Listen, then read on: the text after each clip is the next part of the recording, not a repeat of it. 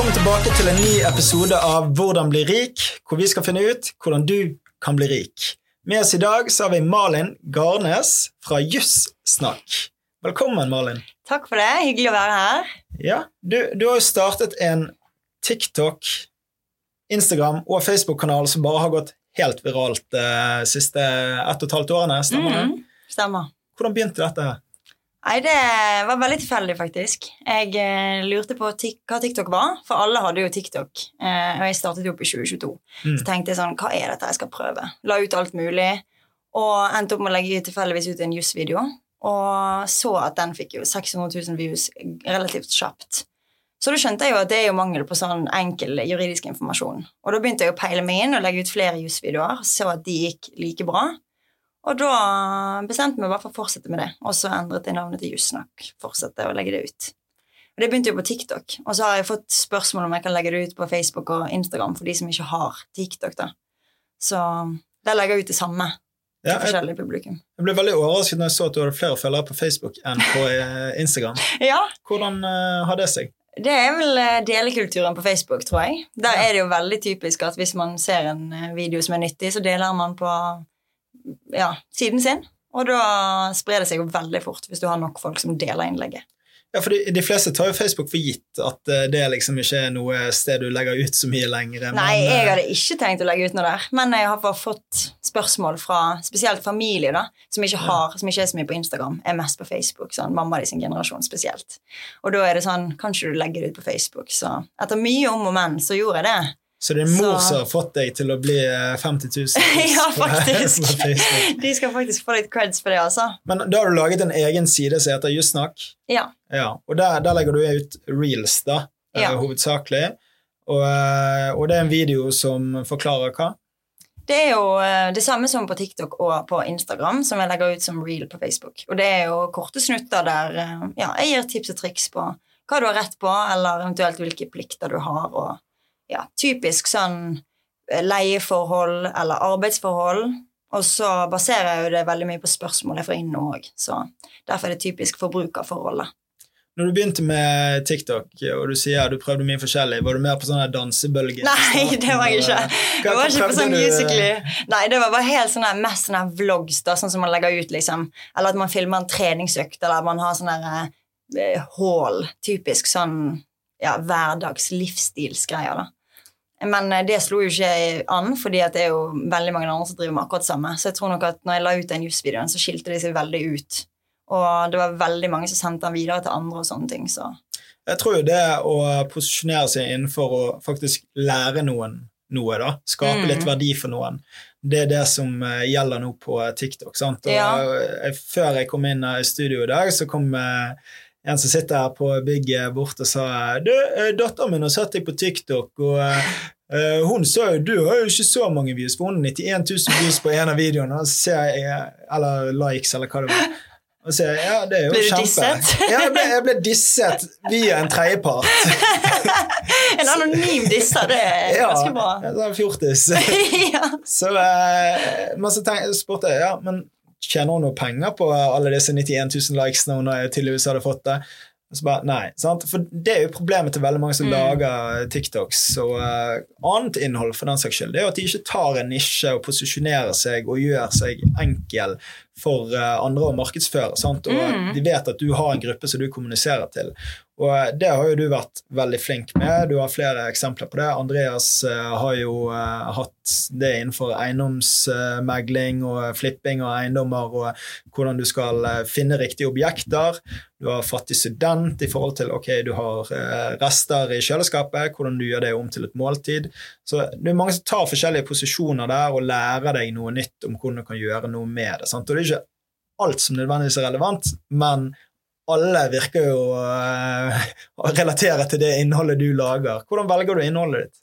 Nei, det, I starten var det jo veldig vanskelig. Mm. Nå som sagt, så pleier jeg å se gjennom Jeg har jo veldig mange meldinger, så jeg får ikke lest alt, men jeg eh, skumleser litt, og så ser jeg på en måte hva spørsmål som går igjen. Så prøver jeg å lage det til en sånn generell video. Men det er jo eh, veldig vanskelig, for mange sender jo melding om helt konkrete ting som gjerne ikke gjelder andre. Mm. En utbetaling du fikk fra ja, trygd, for eksempel. Sant? Hvis du har fått en spesifikk sum fra de, så er det ingen andre som relaterer. og sånne ting. Så nei, nå så må jeg egentlig bare sitte og browse og finne ut hva folk lurer på. Og google. Hvor mye innhold lager du i uken, da? Nå eh, har ikke jeg vært så flink i det siste. Men eh, på, det, på det beste så hadde jeg jo omtrent en video for dagen. Ja. Fem videoer i uken, kanskje. Så jeg må egentlig gå på nikk igjen. Men eh, Ja, hvorfor stoppet det fra én video for dagen cirka, til uh... I starten er det jo veldig enkelt fordi at det er så mange temaer som er generelle. Men når man har tatt de temaene som gjerne er det folk lurer på, så begynner det å minke litt på det folk faktisk vil få med seg. Jeg har masse juss jeg kan formidle, men ikke nødvendigvis det folk bryr seg om. Så ja. Har du vurdert å ekspandere ut, at du ikke bare kun holder deg til saker og problemer folk har, men faktisk tar noe som er i nyhetsbildet? da? La oss si at uh, noen har en eh, konflikt, og dette er noen kjendiser, og så hiver du deg på der, og så forteller du hvorfor denne konflikten er, og hvordan den juridiske situasjonen Det blir jo litt mer liveshow på Ja. noens drama, da. Ja, Men du forklarer det på en juridisk måte for folk. Ja, jeg har, tenkt, jeg har tenkt på mange måter å på en måte ekspandere det for at man kan utvide liksom, når jeg begynner å mangle på inspirasjon. Um, og jeg har hatt et par sånne der kommentarer liksom, til som annet noen influensere skulle selge leiligheten sin og sånne ting. Um, men jeg kunne absolutt gjort det til mer liveshow. Det kunne jeg nok gjort. Ja, da trenger jeg mer tid, da. Det er det som er problemet mitt nå, siden jeg studerer og driver med mye greier. Så mange baller i luften. Ja, for, du nevnte eh, før vi begynte, det var en influenser skulle selge leiligheten sin. Det var noe eh, ulovlig eh, med den leiligheten, eller? Ja, det var jo megleren som Ja, det er vel på en måte Det var oppgitt at det var flere godkjente soverom enn det det var.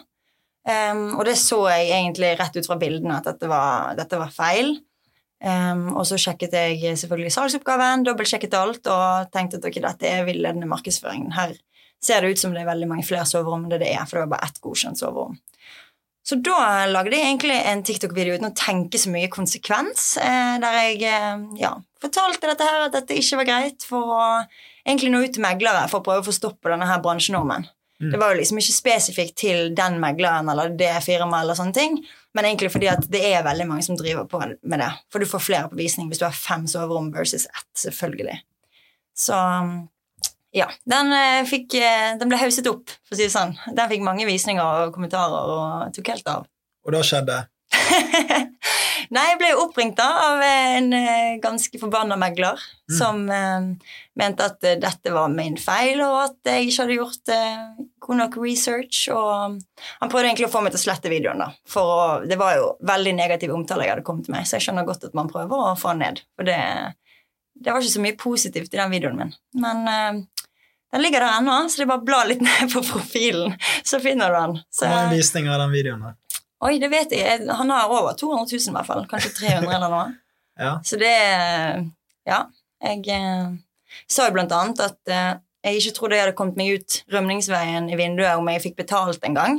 Så jeg tok jo litt i. Det var litt voldsomt. Man må jo det på sosiale medier. Ja, men det er det. Det er alt eller ingenting, tenker jeg. Ja, ja. Så ja.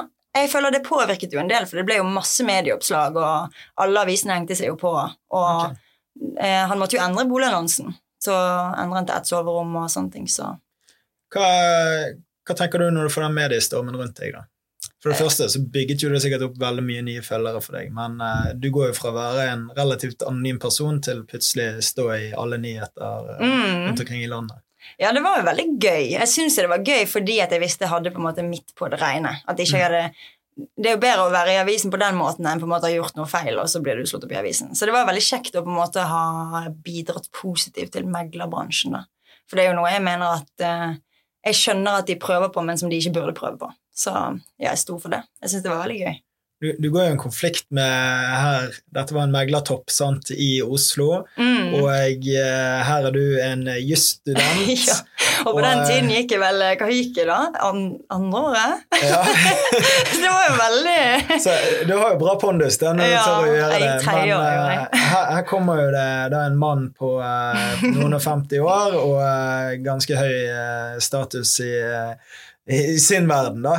Og eh, dette er jo folk som er vant til å eh, diskutere og krangle med folk, sant. Og eh, selvfølgelig, dette skal jo du bli jævlig god på når du er ferdig. Jeg er veldig god på det, du faktisk. Er veldig god på det. Du elsker å argumentere. Dritgøy. Ja, jeg er helt der jeg er. Men uh, Og så plutselig så får du en telefon. For det er jo problemet. Mm. Du er jo ikke forberedt på at den telefonen Nei. kommer. Og han er forberedt. Han har skrevet ned. Han Mm. vet hva han skal si. Han vet hvordan han skal få deg til å føle Ja, Jeg er på vei til å spise middag. Jeg tok han i, i forbifarten og Mm. bare 'hallo', og så var det bare advokat Nei, advokat var han ikke. Megler. Og så bare frøs jeg til og bare 'oi'. Ok. For jeg har liksom, Det var helt i starten av eh, på en måte min TikTok-reise. da. Så Mm. jeg visste jo ikke at han kom til å se den innen to timer. For det blir jo sendt videre. Det er alltid noen som kjenner den parten som du snakker om. Ja, ja. Så det Jeg har hatt flere sånne tilfeller der jeg f.eks. snakket eh, Bergen Fiber, BKK, veldig ned. Eh, Og da ringte de jo etter en time og beklagde seg. Så jeg hadde liksom ikke forstått den rekkevidden av TikTok. da. Så det ble ekstra tatt på sengen at ja, det var han som ringte meg. Ja, jeg, jeg har alltid neglisjert TikTok og tenkt at eh, ja, ja, du får noen visninger, men det har jo ingen effekt. liksom, Det har ingen betydning. Men det er bare sånn wow når Ja. du ser på det. sant? Og eh, En av de første episodene vi hadde her, så uh, snakket vi litt uh, ned uh, Bergensavisen. da. Mm. Og, og så kommer det en kommentar fra Bergensavisen i løpet av eh, ganske Mm. kort tid. og bare sånn, ja, nei, sånn og sånn og sånn. Eh, send tips til det og det. og eh, så Man er jo på ballen. og Ja. eh, jeg hadde en TikTok-video fra en restaurant jeg var på, hvor jeg hadde sagt feil navn på eh, bartenderen. Oi. Og da, da var det sånn der, Han hadde fått over 30 meldinger fra folk som bare 'Har du byttet navn?' eller så, sant? Så, og, og det var jo hele kommentarfeltet. Han heter faktisk det, han heter ikke det. Jeg var sånn, okay, same, same, but different. Nei. Men nå, nå har han byttet navn, sant? Så eh, og det, satt, Den videoen gikk jo helt viralt. Den har jo Mm. nesten 90 000 visninger nå. Sant? Mm. Og eh, hele Bergen har sett den. Dine videoer sprer seg kanskje mer enn eh, Bergen, men Ja, jeg er mest i Oslo, faktisk. Men ja, det, man undervurderer helt sykt det trykket. Og det er ikke, Han trenger ikke nødvendigvis å få så mange views heller, men det er alltid noen som kjenner noen som har sett Mm. Så den du snakker om, det kommer fram altså, innen kort tid. Syns jo det er veldig gøy. Men hva er de beste TikTok-heksene du har lært deg, da? Oi. Altså sånn eh, hva man bør gjøre for å få views, eller hva tenkte du? Ja, liksom, Hvordan setter du opp eh, Eller hva bør man tenke på når man lager noe innhold for TikTok? Eh, det syns jeg er kjempevanskelig, for jeg ser jo TikTok endrer jo det hele tiden. Mm. Så når jeg startet, så var jo det på en måte da Hvis videoen var bra, så fikk du jo kjempemange views innen Mm. én dag. på en måte. Og så endret de jo det, så nå går det jo veldig sakte oppover, så da må du legge om. I starten så var det korte videoer som gikk best hos meg, men nå går ikke korte videoer bra. Nå Mm. bør de egentlig være over et minutt for at de skal gå bra. Så um, tipset er egentlig å følge med på hva TikTok eh, vil ha, og så tilpasse seg. For jeg har merket sjøl at de siste tre ukene så har det gått veldig mye treigere Mm. i at den kommer opp, og så er det sånn etter 5000 visninger så begynner den å få en mer eh, boost. da. Ja. Men jeg, jeg har jo liksom ok, laget noen grunnprinsipper som er jo lengre folk ser av videoen, jo mer vil algoritmen plukke opp at dette her er interessant. Mm. Og så har jo du selvfølgelig videresending, Ja. det har jo du mer enn nok av. Sant? Favorites, Mm. kommentarer, Ja. engasjement. Sant? Og likes er jo minst verd. Men Mm. jeg vil jo si at jo lengre folk ser en video, jo bedre er det. Og, Ja. og at de vil til å dele den, det er jo kjempeverdi òg. Mm. Og da tenker jeg at det å legge liksom, den viktigste delen på slutten av videoen det, du, må, du må holde oppmerksomheten Ja, folk ja. lenge, da. Det er jo lurt å ha på en måte en sånn eh, Det er litt vanskelig for min del fordi at jeg legger det fram i en kontekst. Det er vanskelig for meg å si liksom Jeg kunne jo sagt du har krav på en ny Macbook, og så begynt på på en måte det der skuespillet mitt. Ja. Men det har egentlig fungert fint hittil, så jeg har ikke liksom Men nå er jo litt kjent tryne, da. Nå Ja. vet folk hvem du er. Og jeg, det er det, altså Folk blir så irritert òg, da. Det er veldig delte meninger om meg. Ja. Jeg føler liksom det er veldig veldig mye positivt. Og ekstra kjekt når folk liksom kommer bort til meg og sier at de har spart penger pga. meg, eller fått igjen det positive pga. meg. og sånne ting, det positive. Men så har du jo de der som liksom snakker om at jeg tror jeg kan alt. og liksom, for Måten jeg legger fram ting på, er jo veldig sånn Du kan jo oppfatte meg som at jeg tror at jeg kan alt. Og det har blitt en del av nisjen. Det, er liksom, det gir traction. Folk sender det til hverandre og sier sånn Hun er så plagsom. Og det er sånn, kjør på. Det går helt fint, liksom. Det, du sender det videre, så det, du sender TikTok det videre òg. Så du velger å ak akseptere hatersene dine. Ja, ja. Men det gjør ikke det i starten. Nå, nå bryr jeg meg ikke i det hele tatt. Nå syns jeg det bare gøy. Hva gjorde du i starten? da? Jeg fikk knekken. Når man begynner å bli skrevet om på Jodel, det var, der, det var det som knakk meg. Faen, Jodel har ikke hørt om på lenge. grusomme appen der, altså. vet du hva. Alle Ja, men Er Jodel en greie nå? Ja, Oh, okay. ja. Du har liksom en heter Bloggersnikksnakk. Og Mm. så må du ta eh, liksom flytte deg til Oslo, da. Der er en superaktiv. Okay. Og nå har ikke det lenger, men i starten, når jeg hadde det, så var det bare sånn Det var så mye hate. Det var sånn Så stygg hun er, hun eh, Hva var det det sto? Det var sånn Jeg ser at hun har vært i Tyrkia og fått basically Ja, alle disse her tingene som du kan ta på utseende, og det var liksom ingenting Det var ingen som kommenterte det hun sier er feil. Det var bare sånn masse direkte hat som bare de spydde ut på en anonym app. Og da fikk jeg ikke Da var jeg sånn Ok, dette, jeg har ikke lyst til å være i dette søkelyset. Få meg vekk. Det, det er jo litt eh, Internett er et brutalt sted. Ja, ja. Men det er ingen suksessfulle mennesker som snakker ned eh, noen på veien opp. Sant? Så det er Nei, bare nei. folk eh, under deg som vil snakke deg ned. Ja, jeg tenker Du sitter ikke på en anonym app og skriver dritt om noen du ikke kjenner, eller har noe forhold til. Du bare ser på en app. Da. Jeg tror det kommer et stadie hvor man velger å ikke titte på kommentarfeltet i det hele tatt. Er Ja. du kommet der til? Hva sa du? Er du kommet til det Å, ja, hvor du ikke ser på kommentarfeltet, eller Nei. engasjerer du deg fortsatt? Og, Ja, for jeg får fortsatt aller mest positivt. Mm. Og eh, hvis jeg får noe negativt, så er det på en måte bare la det gå.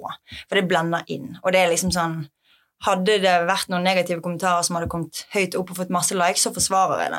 Ja. Men, eh, men det er ikke så ille ennå. Ok. Men TikTok er jo den verste plattformen. på en måte. Facebook og Instagram er jo bare hyggelig. Det er ingen negative kommentarer. Ok, det såpass, ja. Så det er veldig stor forskjell. Ja, du må legge ut på LinkedIn nå, da, for der, der tror jeg det Ja, Der er, ikke, der er jo du dritgod. Jeg Ja. er ikke god på LinkedIn. Der, eh, det er et annet format, da, men, og Ja. video gjør det ikke like bra der. Men det er liksom, hvis du har mulighet til å repurpose innholdet ditt til å gjøre det til tekstformat, så vil du ha mye, veldig mye reach. da. Ja, Og eh, det sitter jo folk med de samme problemene der òg. ja så, det er sant. så da er det egentlig å kanskje, hvis du ikke har tid sjøl, kanskje finne noen til å hjelpe deg med å gjøre det og gjøre det om til tekster, eller bruke en AI som genererer videoen din om Mm. til en, eh, tekstfil. da. Men sitter ikke de som er på LinkedIn òg på Instagram, Facebook eller TikTok? Eller kanskje Ikke det er alle, liksom helt alle, men- ny Og alle sitter jo veldig mye mer intenst innenfor en plattform. Sant? Og hvis Ja. jeg ikke har engasjert meg med ditt innhold på Ja, lang tid, da, da er du usynlig. Det er sant? sant. Med mindre du virkelig går viralt igjen. Det Og det samme er jo på eh, alle plattformer. Mm, egentlig, sant? sant. Så du forsvinner jo Mm. Så av og til så må du ha de her eh, som gjør at du går litt viralt, Ja. og det da dukker det opp i feeden til folk igjen, og eh, Det er sant. da, da er det hot shit. Men eh, det, det der med haters, det jeg, Ja, det er brutalt. jeg tør ikke å tenke på sånne idrettsstjerner om Nei, dagen. liksom. Gud. Bare, hvis du gjør én liten feil, så er hele verden imot deg. sant? Ja, Før ja. så var det bare å la være å lese avisen. Men Nå Mm. er det liksom, Du kan ikke være på mobil, du kan ikke gjøre noe som helst. Men det er, du blir jo cancelet. Altså, Det er jo superskummelt, egentlig, hvordan det har blitt, fordi at man har så mye makt. Så Nei, vi håper at det holder seg positivt. Jeg koser meg nå. Men har du kjent det mye på det mentale, liksom? eh, ja, altså I starten, første halvåret, så var det jo liksom sånn Da reviderte jeg virkelig alt. Da var jeg sånn Er det verdt det? For jeg har liksom sagt at jeg syns sosiale medier er kjempegøy, og på en måte redigere og markedsføring syns jeg er kjempegøy. Så jeg kom liksom til der at ok, det er ikke verdt å slutte for det her, på en måte. Mm. Men, eh, men det utviklet seg til at jussen har en egen jodelkanal, og det her òg er jo helt tragisk. Så når du på en måte blir nevnt på den skolen eller det fakultetet som du går på, og folk kommenterer deg der, og så vet du ikke hvem som sier det, Nei. så møter du opp på skolen, og så ser folk på deg. Kanskje bare fordi at de har sett deg på TikTok, eller sånne ting, men du føler jo at ok, det var sikkert du som skrev det. liksom. Ja. Og da begynner jo, Jeg fikk jo helt panikk. Så det kan jo òg være en god del av grunnen til at jeg ikke trives på fakultetet. Jeg syns ikke det er noe hyggelig der, liksom. Og det er jo veldig tragisk, for jeg har aldri vært noen sånn person som har problemer med sosiale settinger. Men etter sosiale medier så blir jeg litt sånn Føler meg skikkelig liten, faktisk. Ok, Så du er stor på sosiale medier, men du er liten på fakultetet. Og hvorfor er du liten på fakultetet? Føler du at fordi at du byr på så mye av deg sjøl og er annerledes Det, det, det er det annerledes. Det er der det er. Ja. Og på en måte, nå overbeviser jeg meg sjøl om at det bare er sjalusi, for da lever jeg bedre med meg sjøl. Men fordi at jeg får ingenting positivt eh, av tilbakemelding fra jusstudenter. Jeg har aldri hørt noen ting. Så Har du truffet en jusstudent før?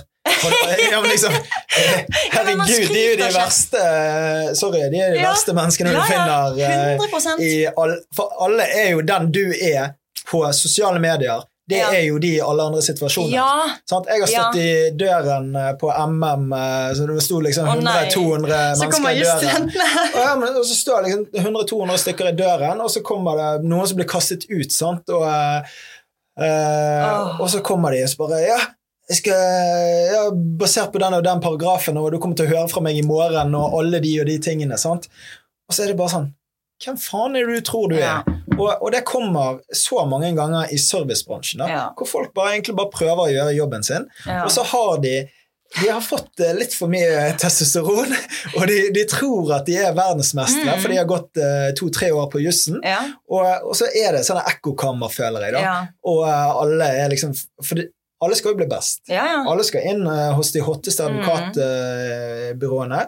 Og det er jo ikke sånn at det er dumme folk som går på jussen heller. Nei, det er flinke folk samlet. Ja. Det er det. Men så er det liksom det konkurranseperspektivet i det, og at man eh, fòrer hverandre opp. Og så er det veldig lukket, føler jeg, da. Ja. At jussen henger med jussen, de henger ikke med Ja. noen andre. ja, det er utrolig trist. Ja. Jeg synes det Jeg har lagde faktisk en liten storytime om det her hin dagen, for jeg føler at det er ingen som snakker om på en måte miljøet på jussen. Jeg synes det er kjempetrist. Det er sånn som du sier, veldig lukket, veldig konkurranseorientert, og veldig lite man deler med hverandre av ja, hvis man har dokumenter og sånne ting, fordi at man vil ikke at andre skal få bedre enn seg sjøl. Og det gir jo mening fordi at eh, advokatfirmaer ofte har på en måte, Du må ha det og det snittet for å jobbe der. Så da blir det veldig kniving om plassene. Men, eh, men det er ikke bra. Jeg trives ikke. Jeg er ikke på fakultet i det hele tatt. Så Du gjør ikke det i det hele tatt. Nei, jeg er ikke der. Jeg er kun når jeg må.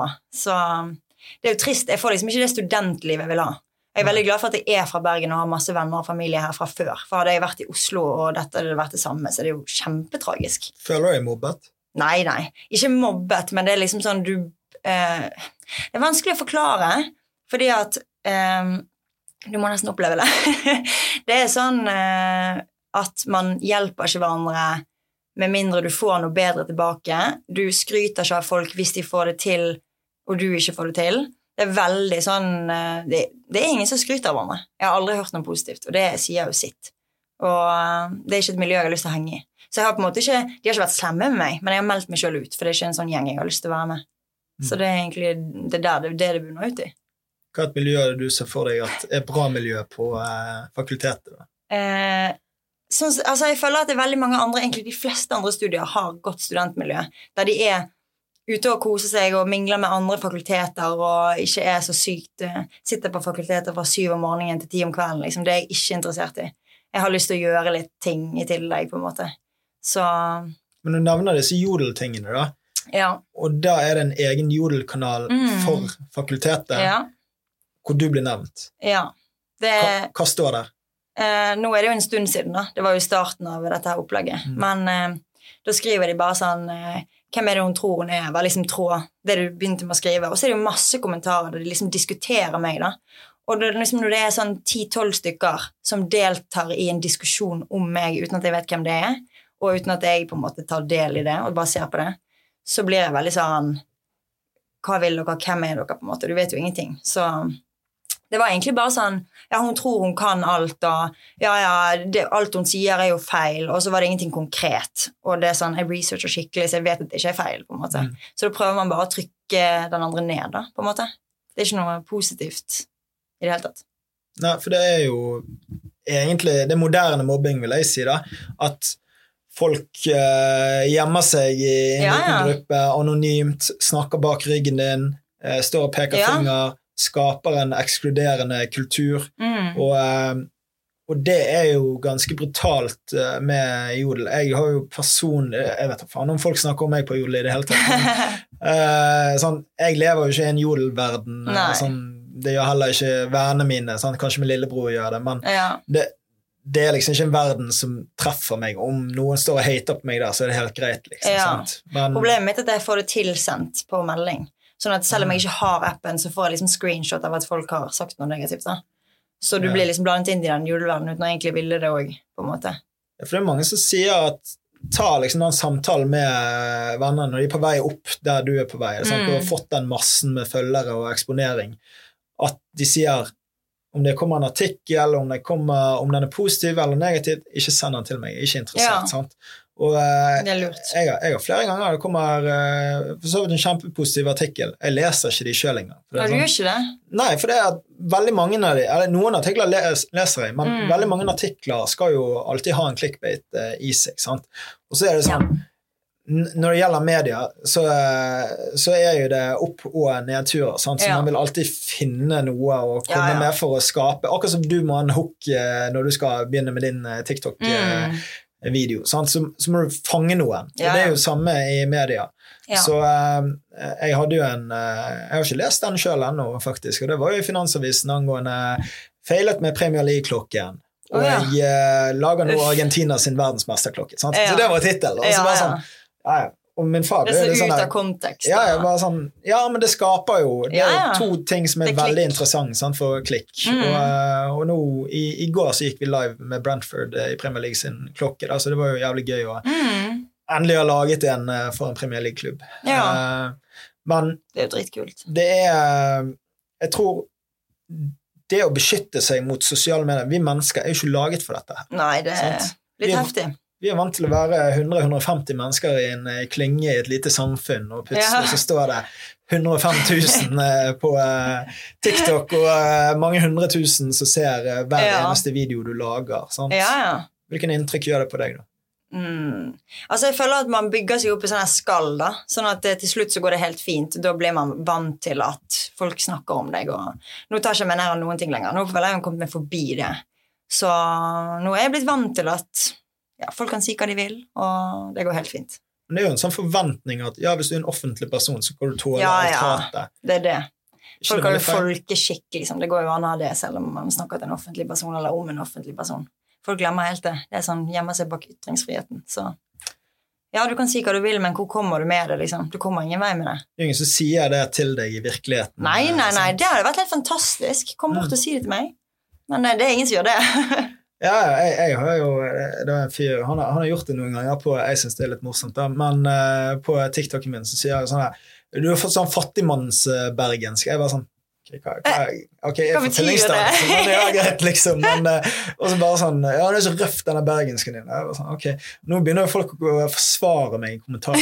ja, det er så koselig. Så bare sånn, ok, interessant. Men uh, det er jo en Jeg føler det er en barriere du må krysse, da Mm. før du er komfortabel med å legge ut innhold, og i hvert fall eksponere ansiktet ditt Ja, ja. På, eh, på sosiale medier eh, for å ønske at det skal gå viralt. Én Mm. En ting er å ta en selfie og ha en, liksom, sin private Instagram-profil og få noen ekstra Ja, her og der. Men når du faktisk går inn for å få 100 000 visninger per Ja. video, så er jo det noe helt Det verste er at folk ser jo liksom at da prøver du å få det til.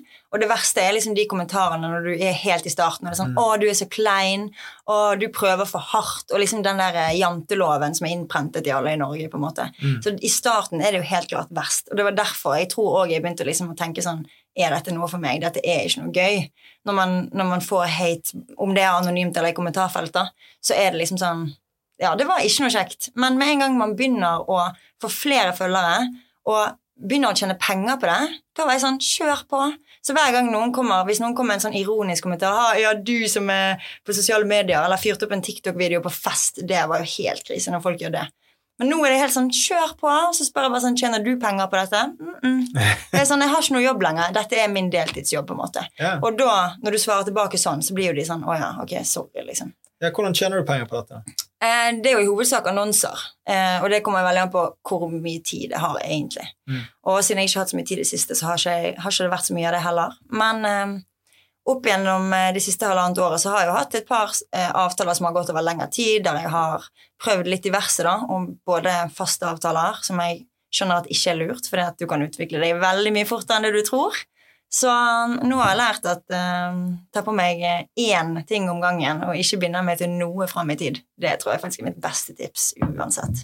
Ja, for når du signerte en avtale her i, Da var du ganske ny i gamet, den første, sant? Mm. Og da, da skulle du gjøre litt markedsføring for eh, et selskap, Mm. uh, Lawyered, Ja. og de driver med Kontraktsapp. Det er sånn, ja, forenklede kontrakter. Ja, og, og da var du ganske ny i gamet, da. Ja. Hun det- fant meg veldig tidlig, før jeg trodde at det, det var noe i meg. Så hun var veldig dyktig. Hun hadde mer tro på deg enn du hadde troen på deg sjøl. Ja, ja, ja. Det det, var, det er jo bare egentlig en god forretningsstil. ja, det er eh, genialt. Ja.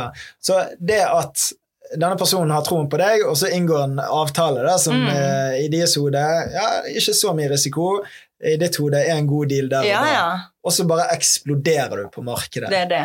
Og da tenker du Jeg hadde jo, jeg vet ikke hvor jeg tror jeg hadde rundt 14 000 følgere når Mm. jeg inngikk den avtalen. Og da var jeg sånn Herregud, så gøy. Jeg får liksom en lønn. Jeg kan få det samme som jeg får på deltidsjobben min nå. Nå kan jeg slutte. Jeg var helt der.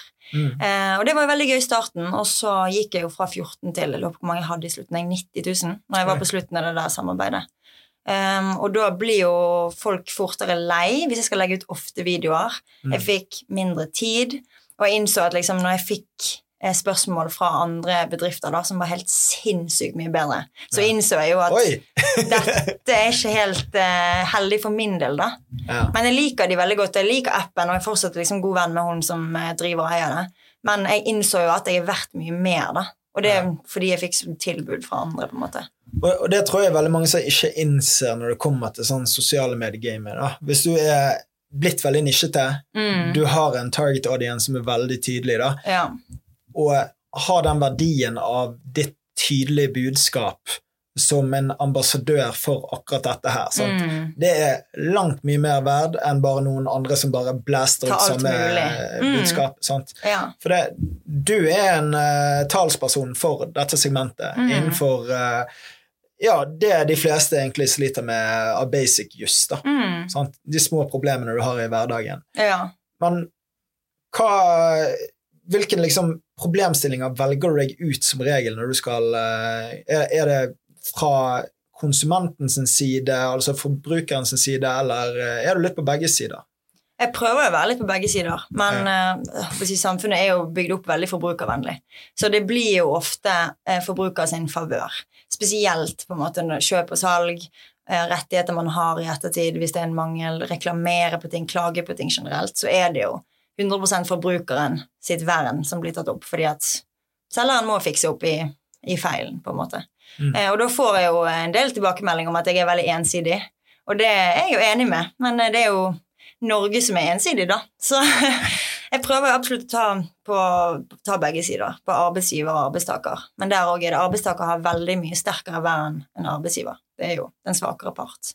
Ja, for det, det merker jo jeg i forhold til arbeidsgiver om dagen. Sant? At eh, ok, en arbeidstaker er den viktigste du har i bedriften, Mm. men det kan òg være den verste du har i bedriften. Ja. En dårlig arbeidstaker kan ødelegge et helt selskap. Mm. Det er flere eksempler på det. Og da er, da er det kanskje blitt litt for vanskelig å eh, bli kvitt den ansatte, liksom. Eh, Hva Ja. synes du om eh, liksom, måten dynamikken der er, og eh, hva er dine beste tips hvis du har en skikkelig vanskelig ansatt? Hvordan går du frem da? Det er jo vanskelig å svare på, for at, ja, er du over prøvetiden og på en måte har blitt fast ansatt, så er det jo veldig vanskelig å få noen oppsagt. Mm. Um, men jeg tenker liksom det viktigste er å prøve å ha god stemning og ha litt sånn forhandlingsmøter og prøve å møtes på midten. Det er det jeg pleier liksom svare på de meldingene jeg får av folk som er sånn skikkelig krangel med arbeidsgiver og egentlig bare vil kaste paragrafer i fjeset deres, eller omvendt, da, arbeidsgiver som er veldig lei arbeidstaker. Um, men siden det er så vanskelig å si noen opp, du må ha en veldig god grunn, så det er vanskelig å gi noe konkret tips på det, altså.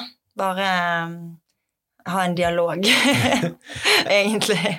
Jeg, jeg tror at ditt budskap treffer folk veldig tydelig av at uh, normen er veldig lite belyst på akkurat dette her med juss, hverdagsjuss. Mm. Burde dette være med på sånn videregående at du lærer Ja, det? Ja, 100% Jeg syns det var veldig gøy når jeg hadde det i rettslære, men Mm. det er jo bare et valgfag, så det er jo ikke alle som har det. Jeg syns absolutt det burde Istedenfor diktanalyse, hva bruker jeg det til i hverdagen nå? Absolutt ingenting. Husker ingenting av det.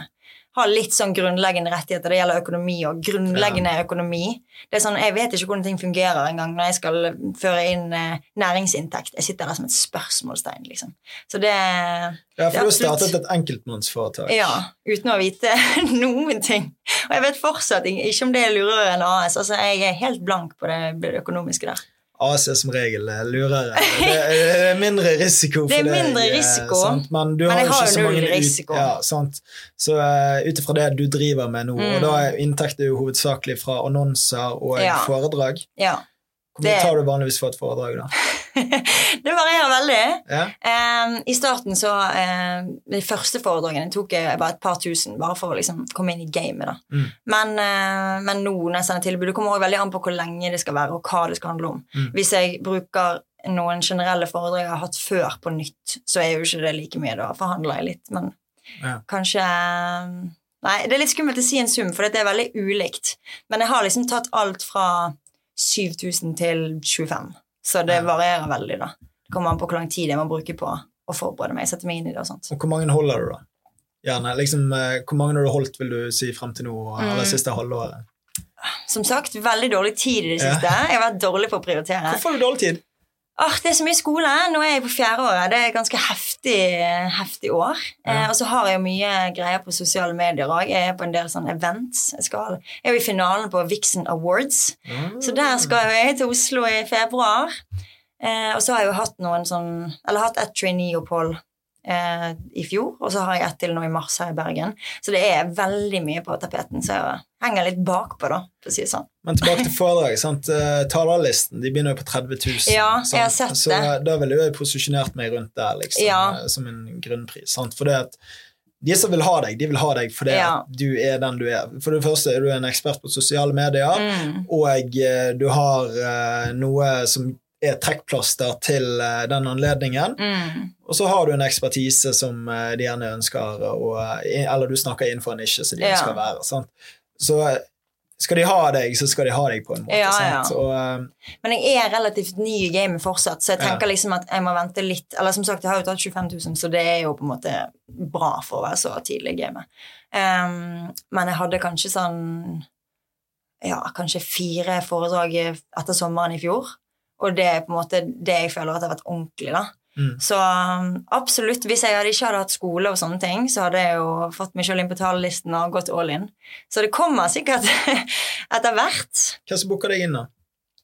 Hva, foredrag. ja, hva type bedrifter er det som booker Det har vært alt mulig. Det har vært liksom helt vanlige workshops, generelle workshops. Det har vært eh, eh, for barns rettigheter. Og på en måte, For jeg har jobbet i Ung Rettshjelp tidligere, så jeg har en del erfaring innenfor barns rettigheter og sånne ting. Um, og så har jeg hatt arbeidsrettigheter generelt for en bedrift. Uh, ja, Så det kan egentlig være alt mulig. Mm. Mm. Du, du har jo flere ting å spille på. sant? Du har jussen, og så Ja, har du eh, sosiale medier. Det er akkurat det. Så det er Jeg har hatt en en om kult. sosiale, sosiale medier òg. Ren sosiale medier. Okay. Uh, det er jo veldig gøy. Så Ja, Greit, vi snakker litt om TikTok og taktikker der, liksom. Sant? Men hva er de tingene du har lært mest på sosiale medier som du har lyst til å dele av? Liksom? Hva er de mest verdifulle triksene å gjøre? Mm, og det er et godt spørsmål. I starten eh, tror jeg egentlig det var å engasjere seg i kommentarfeltet og på en måte svare folk som lurte på ting, og Mm. eh, vise at man var der, legge ut regelmessig. Eh, og eh, egentlig engasjere seg i andre kontoer òg, sånn at folk ser deg på den måten. Mm. Eh, ja, det er kanskje Det verste er at jeg har ikke hatt en skikkelig strategi. Liksom Du har bare blæstet Ja. opp på scenen og blitt Jeg- viral. ja, så jeg begynte jo liksom med å snakke rett til kamera og være sånn Sånn og sånn er det, jeg svarer på spørsmål. Og så bare innså jeg at det var litt kjedelig. Eh, og så tenkte jeg sånn Ok, jeg må fyre det opp litt. Og så så jeg hun eh, Hva heter hun heter? Erika et eller annet. En, I hvert fall amerikansk influenser Mm. som snakker om eh, flyrettigheter, og som snakker til seg sjøl. Mm. Så var jeg sånn Ok, hun gjør det i USA. Jeg har sett en fransk person gjøre det. Nå prøver jeg i Norge. Og da så jeg liksom at det gikk helt sykt opp med visninger og alt. For det, det er mer sånn interaktivt, da. Istedenfor at man sitter liksom monotont til kamera. Så det òg, at det skjer litt ting, det tror jeg er bra. At du klarer å holde viewsen, da. Og Det er litt sånn som vi har sett med flere av bedriftene vi har hatt i studio. Sant? Det at De tar noe som fungerer i utlandet, sånn cutters kommer Mm, til Norge, ja. gjør det på den norske måten. Mm. Du tar noe som fungerer på sosiale medier i utlandet. Mm. I, du har mannen med skiltet, sant, som er dude with sign. Ja. Det, det er mange ting man kan Hvis du ser noe som går viralt i utlandet, da, så kan du ta den posisjonen ganske enkelt i Mm. Norge og være den personen Samme karakteren, da, bare på norsk. Og Ja. det er jo egentlig fordelen med å være i Norge, det er jo at vi har et eget Vi- språk. sant? ja, ja, ja. Så- Og vi henger etter. Ja, ja, vi henger noen år etter oss. i regel, Ja, ja, sant? ja. Så eh, Norgejodel-gutta de tok jo eh, egentlig bare Ok, vi så Ja. Dude with Sign, og at Fuck Jerry, de hadde Ja. eh, den kontoen. Den går Også- jo dritbra. Ja, og så bare sånn, ok, Vi tar den til Norge, da, og så står vi bare random steder, og så vet de hva som er liksom triggerne til folk. For de sitter jo opp og ned i mente på, eh, på eh, Jodel og eh, Ja, ja. får tilsendt alle mulige Mm. tips. Altså, Ja, med en gang du begynner å bli liksom, få litt følgere, så får du så mye tips, og du slipper å researche sjøl til slutt. Så det er Ja. genialt. Ja, det, er- det er en kjempefordel, men du får jo plutselig veldig mange forespørsler. vil jeg tro, For jeg ser jo at når jeg sender deg en melding, så får jeg liksom Jeg titter på dette her, og tar, kommer tilbake til deg eh, om mulig. Send gjerne en mail. Lalala. Og, Jeg må ha den nå, faktisk. ja. Eh, og det som irriterer meg mest, er at jeg ikke kan liksom moderere den og ta vekk på de jeg følger sjøl, f.eks. Han blir sendt til alle. Okay. Så hvis jeg svarer på noe andre legger ut, så får de den standarden. da. Men jeg er helt avhengig av den, fordi det kommer så mange meldinger, og de blir sur hvis de ikke får svar. Okay. Så får jeg liksom eh, sånn lang melding, og så står det gjerne sånn Please, hjelp, liksom. Og så har jeg ikke tid til å svare. Så går det en måned, og så får jeg liksom kjempesur melding. Ah, 'Du er så overfladisk, og du gidder ikke å ta tid til la, la, la, la, la.' Så jeg slipper de sinte meldingene når jeg bare sier til dem at jeg har ikke tid eller kapasitet. liksom. Da har folk litt mer forståelse. Ja, for liksom, folk skriver en essay, sant? Ja, ja. Og, de har De det bretter ut problemet, livet. Mm. Og, og så regel sånn ja, du, du ønsker å hjelpe folk, men du ønsker ikke å være psykologen til folk eller Nei. personlig advokaten eh, der. Nei, men det er det. Jeg kan ikke liksom Advokater tar betalt for dette for en grunn. Mm. Det tar kjempelang tid å, å researche. Det er ikke bare sånn at man kan alt i hodet. Og det føler jeg mange sitt inntrykk av advokater. Det er sånn Ja, du har gått fem år, du kan alt. Du kan alle lovene. Men det er jo absolutt ikke tilfellet, så man må bruke tid på det. Ja? Og der har jo du kjempefordel i form av ok, du får en utfordring. Du er virkelig nødt til å deepdive inn i disse lovene og forskjellige sider av Mm. saken. Sant? Så du gir jo egentlig deg sjøl oppgaver på skolen Ja, bare i form av sosiale medier, og så får du betalt i form av engasjement. Ja. Så øker din verdi ute i markedet når du skal selge annonser og foredrag Mm. og andre ting. Da. ja. Hvordan ser du for deg at du tar dette, og hva er de neste stegene? Det er et godt spørsmål. Jeg føler at eh, jeg tenker på det her hele tiden, og det endrer mening hele tiden. Så, men selvfølgelig jeg har jeg lyst til å ta dette så langt som mulig. Jeg syns sosiale medier er kjempegøy, og det er jo veldig gøy å kunne tjene penger mens man driver med sosiale medier.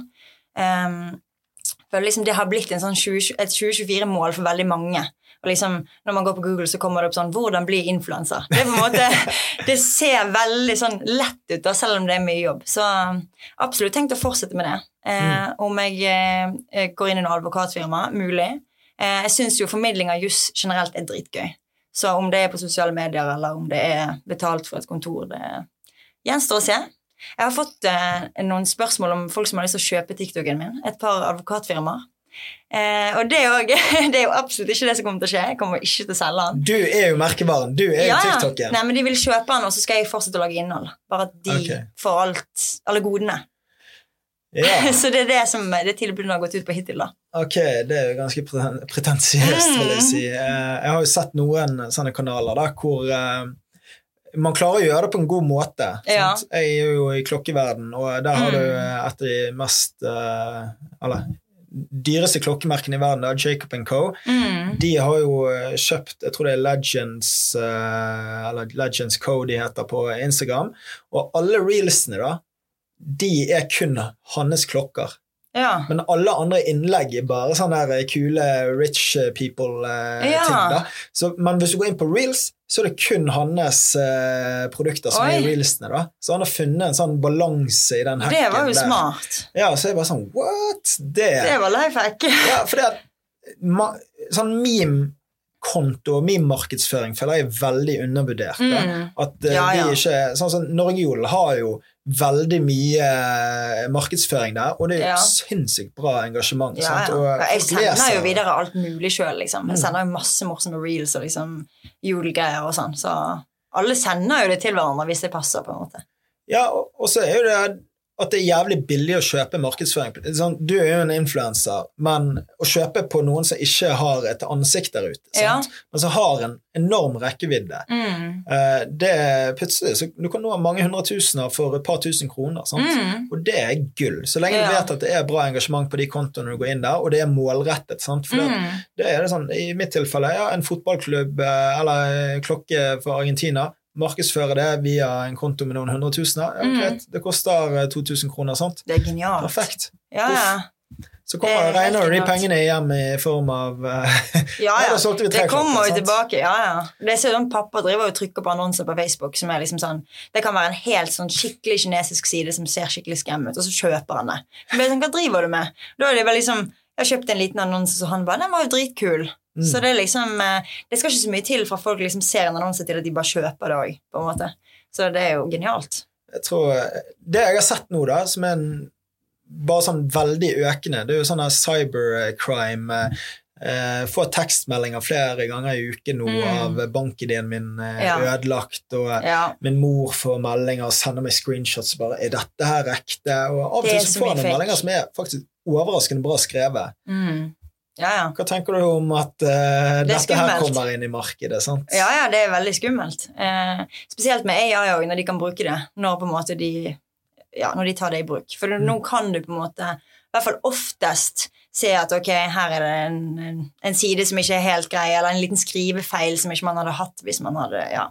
Men, eh, men det er skummelt. Klarer de å oppdatere lovverket fort nok i form av sånn Ok, noen stjeler stemmen min, da. Ja, det er jeg veldig redd for. Den er på podkasten, den er på TikTok, den er på alle sosiale medier. Lett å kopiere. Mm, ja. Og så kanskje de stjeler trynet mitt da, fordi jeg har mer enn nok videoer der ute. Mm, Og så gir de seg ut for å være meg, da. Ja. Om det så er FaceTime, liksom. mm, det er Eh, kjempeskummelt. Hvordan er det norske lovverket på å catche opp på disse tingene her? Liksom? Hvor ofte oppdaterer vi lovene i Norge? Nei, det henger altså det, det kommer jo, det bruker jo gjerne litt tid, for det skal gjennom så mange prosesser. på en måte. Så Unntaket var jo typisk sånn korona, da, når de kommer med sånn hastevedtak og sånne ting. Men, eh, men utredninger tar ofte kjempelang tid. Så jeg er bekymret for dette. Jeg syns det går litt for fort altså, i forhold til reguleringer og sånne ting. Men eh, jeg syns det er vanskelig, for hva skal man gjøre? Hvis du på en måte, du kan ikke gjøre det forbudt heller, for da utvikler det seg i verden. Og de bruker det i utlandet, men ikke i Norge. sant? Så Mm. nekter du for at det fins, men det fins. Så det er ikke lett å si heller hva som er den rette måten å håndtere det på. Men uh, Bruker dere det på studiet? Nei, han er ikke blitt så god på norske lover ennå, fordi han ikke har tilgang til bak betalingsmur. Vi bruker okay. jo Lovdata Pro, som er på en måte betalingstjeneste, da, og det har ikke han tilgang til. Så han bruker veldig mye sånn Google-søk og oversetter fra amerikansk, så jeg kan bruke det til rettskildesøk og sånne liksom Ja, jeg kan bruke det til noen ting, men uh, veldig forsiktig med å bruke det. Ja, Du vil ikke anbefale noen å bruke Nei. det til uh...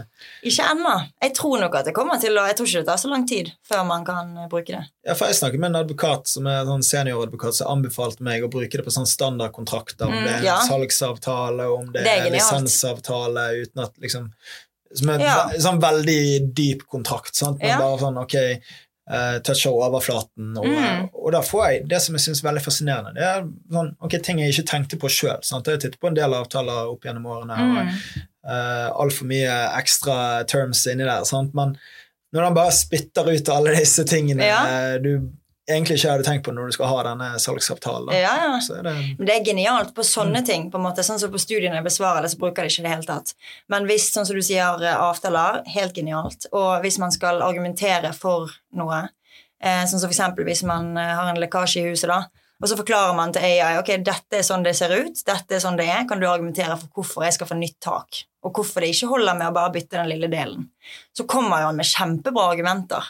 Så så lenge du ikke drar inn paragrafer, så er det jo helt gull. Jeg har en eh, kompis som eh, han har kjøpt Epoch-sjekken fra Elkjøp da, og virkelig eh, hatt problemer med det og prøvd å reklamere. Og han har bare brukt ChatGPT til å argumentere for Ja. seg hele veien. Det er liksom. genialt.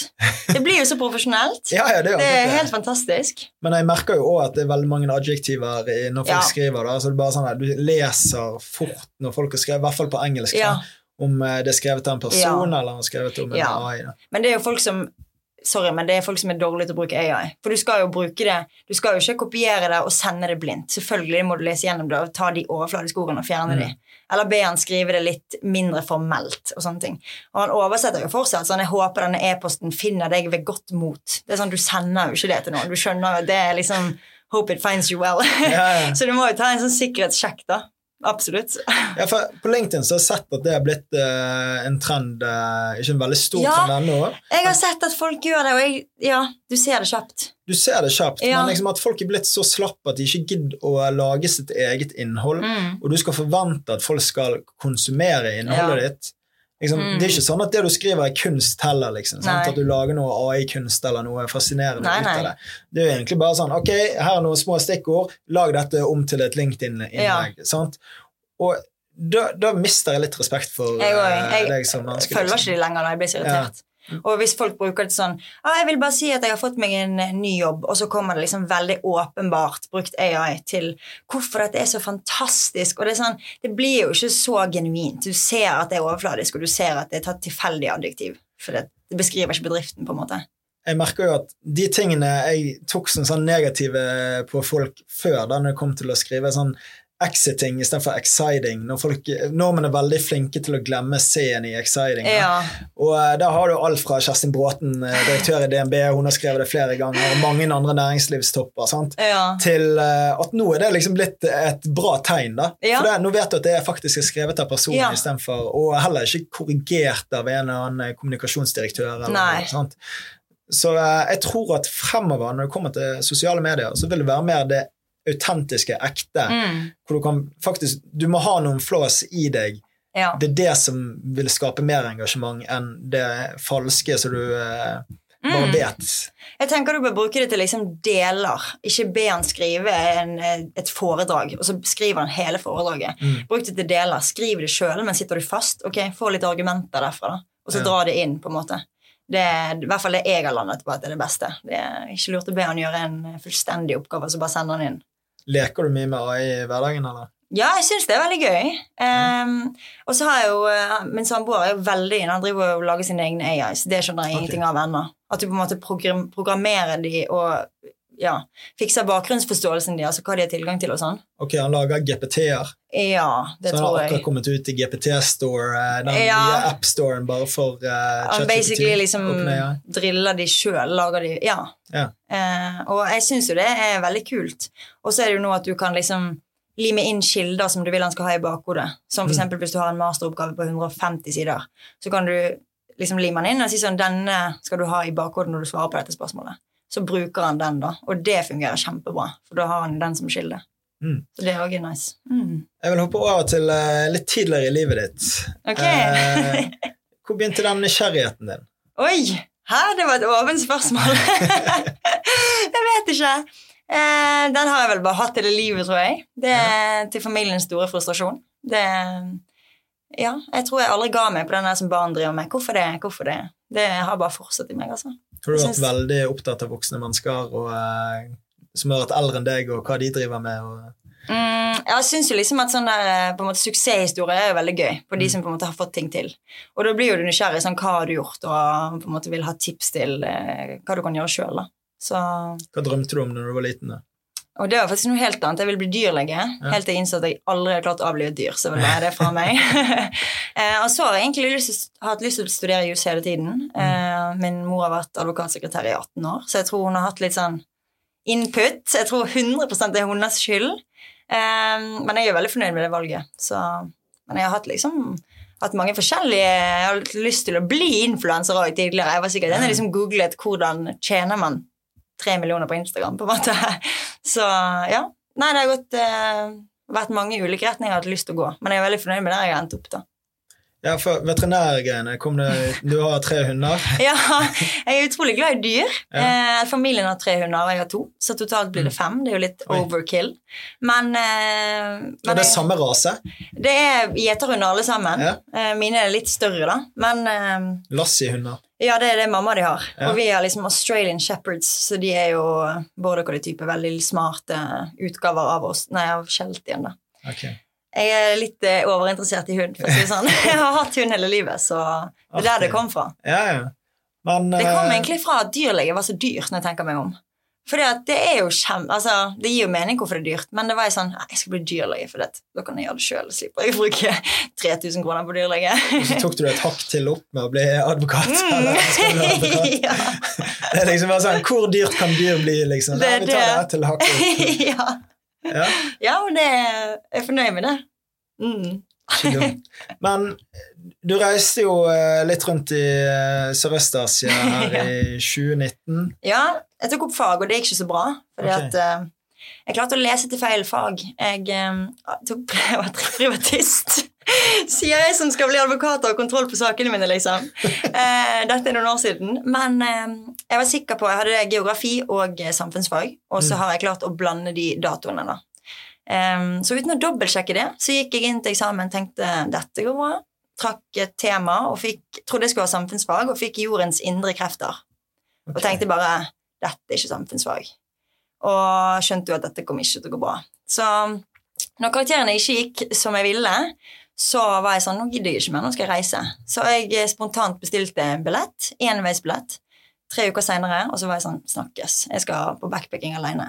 Og så sendte jeg melding til arbeidsgiver og var sånn Må jeg si opp? Jeg vet jeg har to måneders oppsigelse, men jeg reiser om tre uker, så heldigvis tok han det fint. Ok, Hva jobbet Så du med? da da jobbet jeg på Spar. Ja. Så han eh, var sånn Ok. Sikkert sett det komme, da. Men Mm. eh, det var kjempegøy. Så jeg reiste alene i tre og en halv måned. Hvor dro du, da? Eh, til Vietnam, Thailand, Kambodsja, Indonesia, Malaysia. Og da var de største lærdommene fra å se verden. Det er faktisk å reise sjøl. Det er sånn eh, Jeg fikk så sykt mye ut av å dra alene. Jeg slapp å høre på noen andre. Jeg kunne gjøre akkurat det jeg ville. Um, og så er det jo veldig gøy å lære om kulturer. da. Det var jo Vietnam mitt favorittland. Jeg har lyst tilbake dit Mm. hver dag. ja, Så det var veldig gøy. Jeg liker å si at du blir, blir ikke den ekte versjonen av deg sjøl før du har reist alene ut i verden Ja, og eh, må eh, velge hvem du vil være med. Du har ingen venner, familie eller noen andre som skal si hvem du er, hva dine tanker skal være. Du Nei. velger nøyaktig hvem du vil omringe deg med, hva du vil gjøre. Og mm. det er da du faktisk oppdager hvem du er. da. ja. ja. Og, Og eh, du, du innså jo at herregud, du får jo det til, det var jo ikke noe stress. Og jeg hadde jo ingenting planlagt. Det var jo ikke noe jeg organiserte. Jeg kjøpte en tilbudsbillett på Norwegian til 800 kroner til Bangkok. Og det var det. Det var andre tider. Det var i 2019.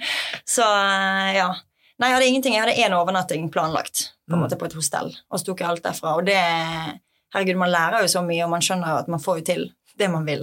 Så ja, Ja, så utvikler jo man eh, ganske mange forskjellige relasjoner. Sant? Du treffer Ja, ja. folk fra hele verden, ikke Mm. bare de lokale. Sant? Nei. Men hvordan føler du at det har hjulpet deg i ettertid? Kanskje du lærte å bli litt blogger der nede når du eh, tok mye bilder, men eh, at det gjorde det lettere å by på deg sjøl når du valgte å lage TikToks. Men eh, er det sånn at du føler at det har hjulpet deg som person å kunne faktisk bli den influenseren du er, på at du har liksom- verden, du har sett det? Jeg føler jo at det gjør deg på en måte veldig selvstendig, og det gjør på en måte tryggere i de valgene jeg tar. på en måte. At uh, ikke man blir så avhengig av eh, på en måte anerkjennelse. da. Sånn som i starten jeg var sånn, ok, sosiale medier er gøy, selv om man på en måte møter litt motstand. så er det sånn, Dette er det jeg har lyst til å gjøre, og det vet jeg at jeg har lyst til å gjøre, så da gjør jeg det. på en måte.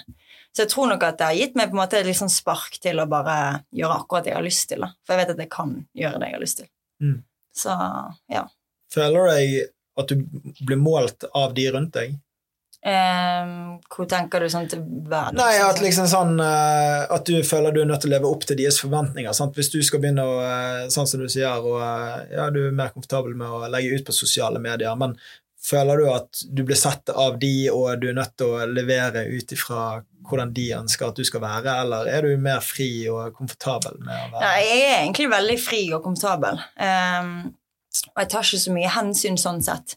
Men eh, på en måte de som snakker om det, og som føler at Eller som jeg føler at kanskje forventer at du skal justere deg etter, det er jo gjerne de som du ikke er så mye med lenger, og liksom tidligere folk du går på skole med. Føler det er de det er verst, som sitter og sender det til hverandre og er sånn ha-ha, se hva hun driver med, hun burde gjort ditt og datt, på en måte.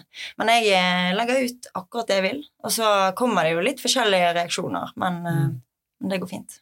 Jeg føler litt det samme. Det er liksom eh, folk man gjerne har hatt en veldig god relasjon med tidligere. Tidligere, mm. De snakker om deg eh, i sine fellesskap Mm. og eh, bak ryggen din, og så er det sånn plutselig så hører du en sånn kommentar eh, kjapp en på byen eller Ja. noe sånt, og så bare sånn Jeg har ikke tenkt på deg i det hele tatt, så jeg vet ikke, jeg vet ikke hvorfor du bare Jeg er opphengt i mitt liv. ja, ja, sant? Jeg er fokusert på å gjøre mine greier, men det at du skal ha en vurdering om hva jeg gjør, og om jeg gjør det bra eller ikke liksom. Jeg, Ja, liksom, jeg gjør det best ut fra omstendighetene Mm. det jeg har, liksom, og jeg fokuserer på meg sjøl. Jeg fokuserer ikke på hva du gjør, og jeg vet ikke hva du gjør. nei, nei, nei, samme her. Og det er sånn spesielt de som på en måte kommer med de kommentarene og henger seg opp i hva du gjør. Det er sånn hva Har du så kjedelig liv sjøl, tenker jeg, liksom? Har, er det det som er interessant? Å se på det som de du kjente før, driver med, og det basically er jo å rakke ned, da? At det er liksom sånn ah, jeg ser deg, det er kleint, og det er liksom de utspillene der, men så blir det litt sånn Men da har ikke jeg noe behov for å være med deg heller, på en måte. Jeg omringes ikke med folk som er sånn som dette lenger.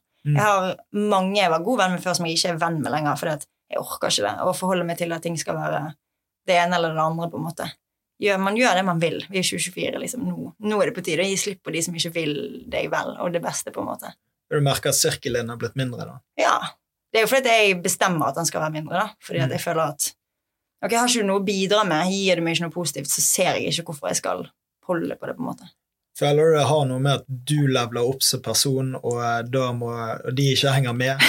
Nei, jeg føler ikke det er sånn at, at jeg føler meg kul for folk. Det er jo ikke på en måte sånn. Nei, nei Men- jeg ja. beklager. Nei, nei. nei, det er vel kanskje mer det at når man føler at det er en energi som de ikke støtter, de er liksom på en måte ikke støttende eller positiv til det du gjør. og sånne ting. Da, jeg har ikke lyst til å være med folk som gir meg negativ energi, eller som gjør at jeg tenker over at ok, kanskje det er litt kleint å poste på sosiale medier. Det har ikke jeg lyst Jeg har ikke lyst til å ha de inputsene. på en måte.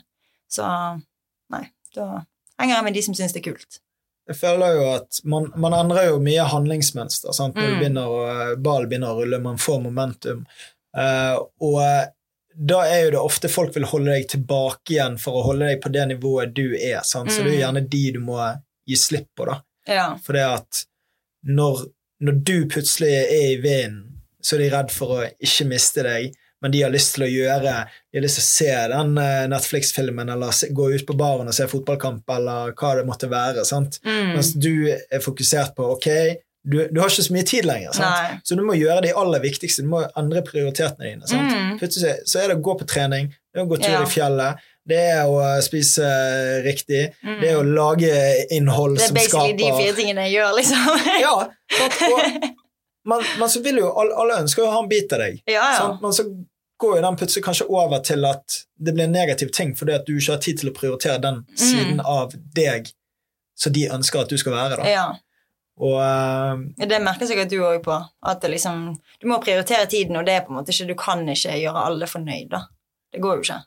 ja, nå, nå eh, siste en og en halv måned så har jeg eh, produsert én TikTok-video hver eneste dag. Du vet Det er jo kjempebra. Ja, og det er jævlig stressende. Da har jeg et firma utenom. Har denne podkasten i Ja, ja, tillegg, ja. hvor vi legger ut én video for dagen i alle kanaler. Heldigvis har vi fått Emilie som hjelper oss med det. Ja. Og eh, det tar jo av trykket, sant? men jeg merker jo at nå, nå går jo det 14-16 timer dagen. Sant? Men jeg, Mm. Og jeg, jeg skal ha mine åtte timers søvn. Liksom, sant? Jeg, jeg bestemte meg eh, for noen år siden jeg skal ikke la noe gå på helsen løs. Og da er det, Jeg skal ha søvnen min, jeg må bevege meg, jeg må ha skrittene mine, Mm. gå tur i fjellet eller gå på trening, hva det Ja. måtte være, men i hvert fall få eh, bevegelse. Og så er det sånn Ok, kanskje ikke har tid til å gjøre de tingene der, har ikke tid til å gjøre det, og Mm. beklager. ja. Det, det, er ikke, det er ikke noe galt med deg. Nei. Det er bare Jeg må ha disse tingene på plass, Ja. og det er det. Ja. Og uh, akkurat der ting er nå i livet, så går det i ett. Ja. Så jeg får jo snapper så bare sånn 'Didn't see you today', eller fra Noen snakker jo engelsk. Eller ganske mange i mitt nettverk. Og uh, 'Har ikke hørt fra deg på en stund', sånn og sånn. ja. Så har jeg merket at jeg konsumerer ikke innhold lenger på uh, sosiale, eh, sosiale medier. Jeg bare produserer. Jeg òg. Jeg ser veldig lite. Jeg Har ikke tid. Nei. Nei. Det er jo gøy, men det går jo i ett. Og det er sånn, det går over en periode, og det kommer til å gå en god stund til òg. Men Mm. eh, man må jo se etter hvert hva man skal gjøre med det. på en måte, og man må jo, eller, Lys i enden av tunnelen er jo at man har lyst til å leve mer. Så da er det jo verdt å jobbe mer her og nå for å få bedre, mer fritid eh, om noen år. da. Mm. Så det er jo prioriteringene man gjør nå, som legger grunnlaget. Hva er grunnlaget du legger for? Nei, det er å bygge opp sosiale mediene, da. Og så får vi se. Um, jeg har jo liksom Ja, som jeg sa tidligere, det er veldig vanskelig å vite hvor jeg vil ende opp, men det hadde vært gøy å på en måte gjøre et eller annet eget på, eh, ja, når jeg er ferdig å studere, da. Mm. Um, plutselig endre mening og begynner i et selskap. Det kan godt være. Men, uh, men absolutt, jeg har lyst å drive, i og med at jeg har Enk nå. Jeg har jo lyst til å utvide det. Og Mm. Gjerne få noen ansatte og litt diverse. Det er skummelt å si sånne ting høyt, for plutselig sitter du der om fem år og ikke har disse tingene. Men, uh, Det- men det er målet. Du, du står bare og kriger mot deg sjøl. ja, det er det. det, det er liksom eh, Ja, hvis du byr så mye på deg sjøl som du gjør i sosiale medier, sant? så kan ikke du heller la deg tråkke på av at du ikke treffer noen mål. Det viktigste er å ha store mål, Ja. for det at da har du noe å strekke deg etter. Hvis du Mm. faktisk treffer dine mål, så har ikke du store nok mål. Nei, det er sant. Uh, og, eh, og så må du ha delmål, da. Mm. Og så må du tørre å feire disse målene på veien. Sant? Ja. Når du bikket eh, 100 000 følgere på TikTok, Ja. gjorde du noe spesielt da? Det jeg fikk faktisk opp en sånn throwback-greie nå at eh, min bror hadde kjøpt kake der det sto sånn 100 000, så var det sånn bilde av meg og en sånn hammer og noe greier. Og det har jeg allerede glemt. Men da jeg fikk det opp, så var jeg litt sånn Shit, ok, dette skjedde. Jeg har faktisk 100 Det står der, liksom. Jeg fikk kake. Det var en stor greie. Så det er jo fort gjort at du bare tenker ok, 100 er videre. Og så tenker ikke du over at dette her er faktisk veldig bra. Så jeg burde absolutt bli bedre til å liksom sette meg ned og feire de små tingene. Ja, for man lever jo mye i eh, fremtiden. At ja. Ja. men jeg skal der. Sant? Ja. Jeg skal, men du, må- du Det blir aldri bli godt mer. nok, sånn sett. Og eh, jeg husker det når eh, På den tiden eh, i fjor så satt jeg i Argentina og hadde signert avtale med fotballandslaget om å sponse dem. Ja.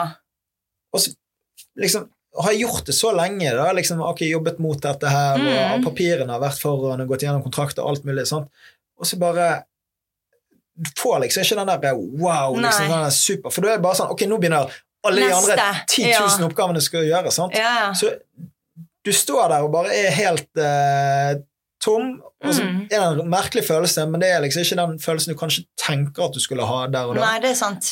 Og, men den fikk jeg i går, da. Ja. For det, det var ikke det at jeg hadde gjort salget til en uh, engelsk Premier League-klubb. Det var ikke det at jeg hadde levert klokkene. Det var det at den var på nettsiden deres, og de hadde begynt å selge den. Det var sånn, Jeg satt alene på kontoret og tok 11.30 Begynte ikke du å grine? Jo, jeg gren! Ja. Jeg gren. Og jeg, eh, jeg, jeg, jeg sendte bilder til kollegaen min i Argentina. Bare sånn, ja, faen, liksom, Jeg sitter her og griner, liksom. ja, ja, men herregud, Så- det det. For når du tar et skritt tilbake, det er liksom da du ser det. Og liksom, det er bra, det er sunt at man innser hvor bra man har gjort det, da. For det er jo det det er. Det er jo dritbra. Og det er jo ikke sunt å aldri på en måte tenke over hva du gjør, og bare hige etter neste, for hvis du aldri er fornøyd Ok, 20 år av livet ditt, og du aldri er fornøyd, på en Mm. måte. Så det fins alltid noe å feire, men det her er jo helt sykt, så selvfølgelig skal det skal det gå utover det emo- emosjonelle òg, at du skulle bli så stolt, på en måte. Det er jo dritbra. Ja, Man må som du sier, ta et skritt tilbake igjen og Ja, ja. faktisk kjenne litt på Og se sånn Dette har jeg fått til. Ja. Hadde jeg trodd det for noen år siden? Absolutt ikke, liksom. Det, det, det, det, det er jævlig gøy, og det, det er jo historier sant? Som man får fortelle, og det, det er veldig gøy. Eh, I forhold til sånn Jeg tror at nå har jo jeg begynt med TikTok og lager innhold hver eneste dag, og så er det sånn Ok, jeg er på scratch. Ja. Jeg har 3000 følgere hvert øyeblikk, som jeg egentlig er veldig fornøyd med. Får Mm. rundt 50 nye følgere hver dag. ja, det er sånn du har ikke hatt plass til de her. 3000 Ja. mennesker. Du har ikke klart å presse de inn her. Nei, det er veldig sant, sant? Og det setter jo ting veldig i perspektiv. Ja. sant? Eh, og så har jeg begynt å bli stoppet sånn daglig på gaten av Mm. folk, for jeg bruker jo byen og går på restauranter og alt mulig Mm. hver eneste dag. Og da Det er jo en helt annen verden, plutselig. Ja. Sant? Din Har du vært på byen etter Ja, ja, det er helt jævlig. Det er der det, er skjer. ja, nei, jeg går jo ikke så mye på byen lenger, men uh, jeg, jeg gruer meg. Jeg skal begynne å, eh, faktisk når uh, MM åpner restaurant og bar her eh, Ja. på Ole Bull-huset om noen uker. Så skal Da. jeg stå en gang i måneden i døren med, gjestelisten der, da. Ja. Så jeg bare sånn Oi, det blir Jeg har ikke overtenkt det, egentlig. Bare sånn, alle som kommer til å komme bort, er bare sånn åh, dette blir en gang man har fått litt enheter, så tør jo folk på en måte gi beskjed. Så selv om de ser deg ute til vanlig, med en gang det er litt alkohol, så Ja. de. Nei, jeg har jo tenkt liksom bare gi vekk sånn Ok, ja, du får et bord her inne. Sant? Legger ut en TikTok, få et bord eh, Ja. liksom, sant? og skape engasjement på den Mm. måten. Gi noe tilbake til de som faktisk følger med. Ja. Og har lyst til det, da. Men, Mm. uh, og så syns jeg det er jævlig gøy, da. Ja. Å, å kunne gjøre noe slikt. Ja. Men uh, Men det er jo gøy at måte folk anerkjenner, og de er sånn Ok, jeg har sett deg på TikTok. Du blir helt sånn Oi, ok, folk ser meg, liksom. Mm. Men det er sånn når jeg, jeg var vært og spilt, spilt biljard for noen, ja, to uker siden. Og da kommer folk bort til meg sånn klokken to på natten, og jeg sånn Du, jeg har et problem. Og så begynner de å brette ut. og da blir jeg sånn nå, nå må du se at dette her går ikke, liksom. Så nå har det gått forbi det der 'hei, du er kul, jeg setter på TikTok', til liksom sånn 'yes, nå er hun her, jeg kan bruke henne til det det er verdt', liksom. mm. Så nå merker jeg at jeg har blitt litt sånn bitter. Eller liksom, jeg kan sikkert framstå litt sur, for jeg har fått litt sånn nok av at man kommer med masse detaljer og slenger de i fjeset på meg når jeg spiser nattpizzaen min på 7-Eleven. Liksom. Det er sånn, Du ser at det ikke er helt uh, tidspunktet å legge fram en juridisk problemstilling. Mm. Så ja, det er hyggelig å bli gjenkjent, men kanskje ikke på den måten, da. Hvordan liker du å bli approachet, da? Jeg syns det er hyggelig når folk bare vil ta selfie og sånn. Det syns jeg er dritkoselig. Så, og det er jo sånn, Hvis jeg er på Ikea og handler, så var det en jente en dag som kom bort og tok en selfie på Ikea. Det syns jeg er kjempekoselig. Eh, å liksom slå av en prat og bli kjent med folk òg syns jeg er veldig gøy. Mm. Så alt utenom å på en måte slenge en svær sak til meg og forvente at jeg skal ta det på stående fot, da. Det er egentlig det eneste jeg ikke vil ha. En ting jeg har lært, er folk som puster og gjør noe hver dag, de vil helst ikke snakke om akkurat det de puster og gjør hver eneste dag. Nei, det er da. sant. Så når du treffer eh, en kjendis, da, om det er en eh, fotballspiller eller hva det måtte være Jeg vil ikke snakke om akkurat det de gjør. om alt annet. Altså, jeg feiret bursdagen min i New York i 2015, og så sitter jeg med Jordan Henderson, som var kaptein på Ja, Liverpool på den tiden. Han, han var der og var skadet, da, ja. og ute med kompisen min. Og, eh, og så sitter jeg der i fem timer og preker med han om alt annet enn fotball. Ja. Så vi snakket egentlig bare om firmaet mitt. da. ja. Så det var bare sånn der ja, jeg driver med, Det var Lustbox det het. altså Tilbud Ja. for menn. og gå, Vi skulle gå og shoppe sammen i Soho dagen etter. og sånne ting. Så det, det er liksom da, Folk vil ja, Du vet at du er en kjent person, liksom, Mm. men du har ikke lyst til at den andre personen skal behandle deg som den kjente Nei. personen. Om du er en rik person, så har ikke du lyst til at den personen skal behandle deg som at du er den med pengene, og jeg skal ha de pengene. Nei, nei. Så du, du vil jo bare bli, bli behandlet som et menneske. Ja, absolutt. Og det er kjekt å bli kjent med folk òg, og det blir man jo ikke hvis man bare snakker om for min del just. da. Det er sånn, Mm. Da blir man jo på en måte ikke kjent. Og heller ikke hvis du bare snakker om fotball. Da vet du ingenting om personen. Da snakker du om fotball. Så Men- Beveger du deg mindre ut av dette? Um, Nei, det vil jeg ikke si. Ehm, fordi at det er ikke så mange som kommer bort med mindre jeg er på byen, liksom. Det er mest når jeg er ute. Um, så jeg eh, tenker egentlig ikke noe over det. Jeg Mm. tenker over liksom snikfilming og sånne ting. Da. Det er jo en greie. Og det syns jeg er litt ubehagelig. Så, men eh, det ikke, gjør ikke at jeg går mindre ut. Jeg bryr meg egentlig ikke. Det, liksom, det får bare være. Jeg har skjønt at du kan ikke gjøre noe med de elleveåringene som sitter liksom filmer i et hjørne. Mm. Så nei da, det går helt fint. På byen? Elleveåringer? Nei, nei, nei, det er den snikfilmingen. Uff, det var litt tidlig. Men uh, du er veldig opptatt av helse. Har du noen eh, ritualer du gjør, og, eh, eller er det bare trening og jeg går turer? Ja, det er egentlig bare trening, for det er forkoblet veldig av Mm. og gjort noe helt annet, på en måte. Så jeg er veldig glad i å trene helt alene og bare høre på musikk, på en måte. Mm. Eh, Men jeg vil jo bli sterk, jeg syns jo det er veldig gøy. Så ja, jeg burde vært litt mer opptatt av proteininntaket mitt, for eksempel. For at jeg bygger ikke like mye muskler uten like mye protein. Så jeg har eh, Jeg bør eh, legge inn litt mer innsats der òg, for å si det sånn. Men, eh, men absolutt det er gøy å være i aktivitet og bruke fjellene i Bergen. Det, I hvert fall når jeg bodde i Oslo nå, så så jeg jo at vi er veldig heldige. Vi må bruke det når vi er her. Ja. Mm. Og beina de er ikke klar for å gå oppoverbakker når du kommer fra Oslo. Nei, det er det. Så der var det jo rett fram alt sammen, det. Det Nei, jeg må sette pris på det her. Hvem er det du følger for trening, da? Oi! Følger jeg noen trenings... Uh, Jeg tror faktisk ikke jeg følger noen, nei. Jeg fulgte masse før, og da fikk Mm. jeg jo bare opp treningsrelatert innhold på sosiale medier, og det, det ble litt meget. Så nå har det på en måte blitt en sånn sekundær greie. Nå trener jeg egentlig bare for å koble av, og fordi det er gøy å føle seg sterk, eh, men ikke fordi at jeg er noe obsessed med trening, egentlig. Okay. Så ja. Har du tatt liksom sånn detox på sosiale medier i form av hvem du følger, og prøver å Ja. kutte ned på eh, at alt skal være inspirasjon til Ja. det og det, og bare til slutt så scroller du og scroller du og scroller du. ja. Egentlig så blir jo man egentlig den personen man prøver å ikke følge sjøl, da. ja. Liksom sånn, man skaper det innholdet som er engasjerende og holder deg på plattformen, ja. men så vil du kvitte deg med at du får det samme innholdet sjøl. Ja, det er sant, faktisk. Ja, det er et godt poeng. Men jeg kjente liksom at treningsbransjen òg er veldig sånn du blir aldri fornøyd uansett. Så om du på en måte følger folk og gjør disse øvelsene, spiser denne maten Uansett så Man blir ikke fornøyd, på en måte. Det er jo litt det der å ta et skritt tilbake og se hvor du var for et år siden eller to. på en måte. Så det var egentlig bare for å slutte å bli så opphengt i hva man vil oppnå, på en måte. Og det der cutting og bulking og jeg spyr Det er så mye av det på TikTok, da. Mm. Så um, jeg prøver egentlig bare å distansere meg litt fra disse tingene. For det, jeg orker ikke å telle kalorier og gå ned i vekt fordi det er sommer. Det, er sånn, det, det, det gidder jeg ikke. Så det er egentlig mest det som som har gjort at jeg har gått vekk fra det. Jeg tror en sunn kropp viser seg eh, ganske mye, selv om du kanskje ikke har sixpack og eh, Ja. akkurat de appsene man ønsker å ha. Liksom. Ja, Så, så en sunn kropp er ganske synlig, da. ja. Du trenger ikke å uh, ha ja, bulket og uh, gjort alle de tingene Nei, for å kunne er sant. vise, signalisere til en annen at du, er, du tar vare på deg sjøl. Ja, jeg tenker det er det viktigste. Liksom. Hvis du får, får frisk luft, som du sier, får inn skrittene, tren styrke hvis du vil trene styrke, sykle hvis du vil sykle, liksom. bare holde i form, på en måte. Gjør, gjør noe aktivitet, så tenker jeg det er helt greit, liksom. Mm.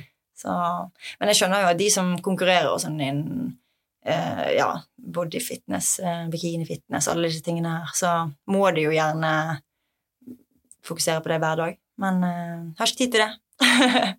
ikke interesse for det heller, egentlig. En siste ting da, som jeg tenkte på, det er Når man skaper innhold på sosiale medier sant? Mm. Nå begynte du med en jussvideo som tok helt av. Mm. 600 000 visninger. Mm. Og det gir deg da kicket, dopaminfabrikken i gang, Ja, ja, og du kjenner at ok, dette er, nå er jeg truffet. Ja. Og det er jo katalysatoren for så mange som begynner å publisere innhold på den kanalen de treffer på. da. Mm. Og eh, hvordan merker du da at dette her skal jeg gå all in på? Mm. Altså der og da? Ja, Hva tenker Ja. du da når du får den første liksom, Det er bare sånn boff, dette går skikkelig viralt. Ja. Og eh, hvordan endrer mindsettet ditt seg da til at ok, nå går jeg fra å eh, jobbe på Spar og eh, Ja. gjøre de andre tingene, til at dette skal jeg gå all in på? ja. Det var liksom, jeg tenkte sånn Jeg har jo egentlig visst lenge at det har vært mangel på basic juridisk informasjon. For det er sånn Sakene vi har fått inn når jeg jobbet i Ung Rettshjelp òg, veldig basic, mange av de, som er sånn Dette burde folk visst. Men når jeg fikk 600 000 visninger, så var jeg sånn Ok, jeg innså at folk vet ikke det. Og jeg fikk liksom den der Nå ser du at folk ikke vet det. Og da hadde jeg liksom ikke noen ambisjoner før det, sånn som du sier, men når jeg fikk det, så var jeg sånn Herregud, ok, jeg prøver en gang til. Legger én jusvideo til. Og den gikk kjempebra. Og det var da jeg var sånn Ok, følgeren renner inn, visningen renner inn, dette er kjempegøy. Så du sier dopamin, det er det eneste du tenker på. Satt i familiebesøk og bare sånn neste video, neste video. Fikk nesten ikke med meg hva folk sa. For det var liksom sånn Må bare sjekke. Å, gøy, liksom. Prøvde å planlegge. Um, og når du så at flere videoer på rad gikk bra, så var jeg sånn Ok, dette er noe jeg må fortsette med. Dette må jeg legge all innsatsen min inn i, da. Så det var, det var et skifte der på når du ser liksom reaksjonen og sånn. Det var veldig gøy. For én ting er å få én video til å gå bra, Mm.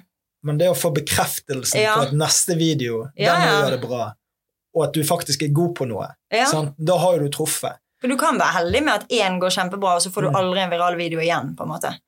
Men når det er så, sånn informasjon, da Så jeg ser liksom sånn Ok, humor det går dritbra på TikTok, og liksom nyttig informasjon, tips, triks, hacks, sånne ting går kjempebra. Så hvis man går all in for en av de, og du ser på flere videoer at de går bra på rad, så blir det sånn Ok, dette er jo Selvfølgelig, jeg har penslet meg litt underveis og sett liksom hva er det folk bryr seg mest om, men ja, når du ser at det får mye traction, så er det jo bare å gunne.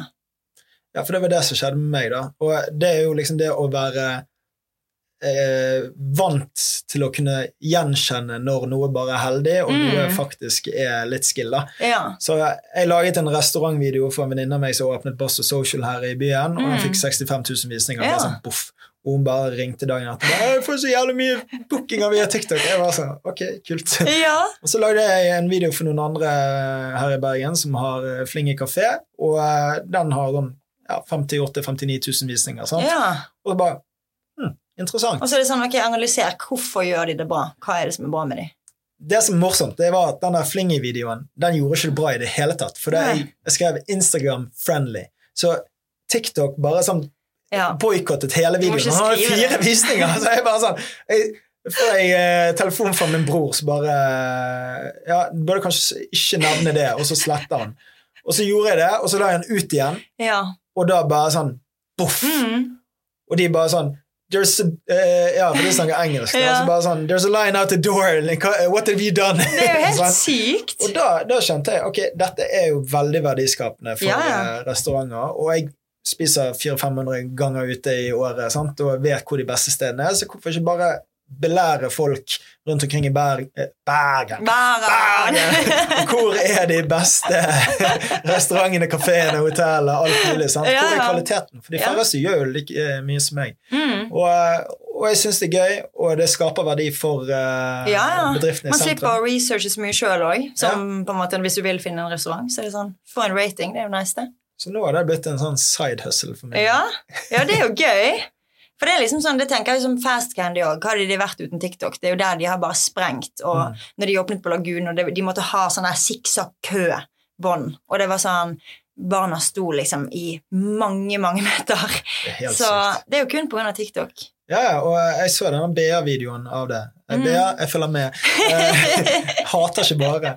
Nei, sant? Så eh, der var jo det, det var kaos. sant? Ja. Det sto vektere og alt mulig. Mm. Bare sånn, det er barn som skal inn. Liksom. Det er snop. Du selger godteri til Ja. barn når du må ha vektere, liksom. Jeg vil si, Det sier mer om hvordan uh, ting har blitt overfor barn nå enn uh, tidligere, når du må Ja. ha vektere for å holde barn unna en Ja, jeg er glad jeg ikke hadde TikTok da jeg var liten, faktisk. Det, det er jeg glad jeg vokste opp litt tidligere. Mm. Ja, har du noen tips for å koble av akkurat den der uh, dopaminfabrikken der? For når når det virkelig går Det er viralt- vanskelig. For Du går jo bare inn, og så hvert sekund så er jo det en like eller en favorite. Sant? Jeg har faktisk ingen tips på det, for jeg sleit skikkelig med det sjøl. Det er kun det det går i. på en måte. Mm. Og det gir mening, for det er det som funker, og hvis det er det du har lyst til å gjøre, så blir det jo det som du tenker på 24-7. Så um, for min del må jeg jo legge vekk mobilen legge den i flymodus i et, altså, en annen plass. For jeg Mm. klarer ikke. Jeg har ikke selvkontroll. Og det gjelder egentlig litt på skolen òg. Hvis jeg skal lese, så blir det liksom sånn, tenker jeg på just snakk, og så blir jeg sånn Ok, tar jeg opp mobilen, og så plutselig har jeg researchet i to timer, på en måte. Og da låser jeg den fysisk vekk inn i et skap med lås. Og da blir jeg sånn Ok, den skal være der. I en annen etasje. Så jeg må fysisk bare legge den langt vekk. Men nå ber jeg tips om det jeg har ikke jeg, sliter med det sjøl. Så hvis du har noen bra tips, så tar jeg imot de. Eh, jeg, har et tips. da. Det, Ok. det er en app som heter Opel. da. Eh, Ja. Den kan du laste ned. Er det sånn du, som hold, liksom? Ja. Og, men der konkurrerer du mot andre. Jeg vet ikke om du gjør det på Hold, Ja. men eh, andre venner eh, i form av hvor lenge du klarer å holde deg unna eh, apper. da. Ja. Egentlig mobilen. ja. Så, eh, og da ja, Hold blir du vel belønnet for å eh, Ja. disconnecte. sant? Og uh, dette er jo en trend. ja. For det at enhver trend har en mottrend. sant? ja. Eh, folk er blitt superavhengige av eh, TikTok og alle andre Mm. sosiale medier. og eh, Derfor så kommer det en mottrend hvor Ja. du skal være minst mulig. Så det er blitt en statusting å være minst mulig på sosiale medier. Ja. Og, på samme måte som at folk drakk altfor mye alkohol under eh, pandemien, så er det kommet en mottrend nå som er å slutte å drikke, eksempel. Ja. sant? Der står jeg. Ja. Men uh, ja, men det er sant. Det er det. ja, alkoholfri drikke det vokser 30 i Ja, det er helt sykt. Jeg så det. Det hadde vokst kjempemasse også bare på to, to siste årene. Mm. Så Og det er jo en konsekvens mest sannsynlig av at uh, korona har kommet, da, Ja. og eh, folk har sittet og drukket altfor mye eh, Mm. der. Og så er man litt lei av akkurat det, da. ja, ja. Så, Jeg har en venninne hun hadde med seg på skolen i dag. faktisk. Hun hadde med seg en, eh, en boks der hun låste inn mobilen med en timer på. Og det var en Hva var den het? Uh, Motherlock, tror jeg den het. Veldig ja, Jeg skal ikke kommentere hverken navnet eller nettsiden, men hun har i hvert fall kjøpt denne. her da. Og da tar du inn liksom Ok, tre timer skal denne mobilen låses vekk. Så er den inni denne boksen du har stilt på de tre timene, så får du den fysisk ikke ut. Så det har jo blitt en sånn greie at du liksom En motpol til at du er på sosiale medier elleve timer for dagen. da. Så det er mange eh, lure, lure løsninger på det. jeg tror vi vil se Louis Vuitton-produkter med dette her. Hvor Ja. du har en eh, type en bag-væskeboks Ja. med Louis Vuitton-logo, Ja, hvor du kommer kommer til å signalisere og vise at ok, Se hvor flink jeg er, ja, ikke på sosiale medier. og jeg Ja, har den dyreste boksen, sant? For da kan du place den der. Altså, det er jo genialt. Det er jo sånn Folk kjøper det, men altså det er jo som du sier, det er bare en motpol for oss. Så skal du da vise at du er best på å ikke være på sosiale medier, som blir bare sånn helt motsatt, liksom. Mm. Så nei, det blir spennende å se. Hvis det kommer, så må du ta en cut. Ja. Eh, Hvilke tips ville du gitt til unge studenter som begynner nå på eh, Egentlig bare generelt studenter. sant? Du Mm. har jo fått utrolig mye tilbud fra bransjen du er, ønsker å etablere deg i. sant? Mm. For å skape oppmerksomhet rundt eh, den arbeidsplassen man ønsker, hva, hva mener du at man burde gjøre av tiltak og by på seg sjøl for å kunne komme i en god posisjon der? Ja, det kommer jo helt an på hva ambisjonene er, da, på en måte. Sånn, Mm. jeg har jo mange venner også som, som ikke kunne tenkt seg det livet jeg har, og som egentlig vil ha en 8-4-jobb og er kjempefornøyd med det, at de slipper å jobbe helg. Det er på en måte det som er, er drømmen, da. Og da er det på en måte ikke Ja, inkluder deg i studiemiljøet, men da er det jo ikke noe sånn du må ut på sosiale medier. Men hvis, hvis ambisjonen er noe annet, så er det jo selvfølgelig en oppfordring å kaste seg ut i sosiale medier og TikTok. og Jeg skjønner ikke hvorfor ikke flere oppstartsbedrifter og sånn er på TikTok. Det er jo gratis markedsføring.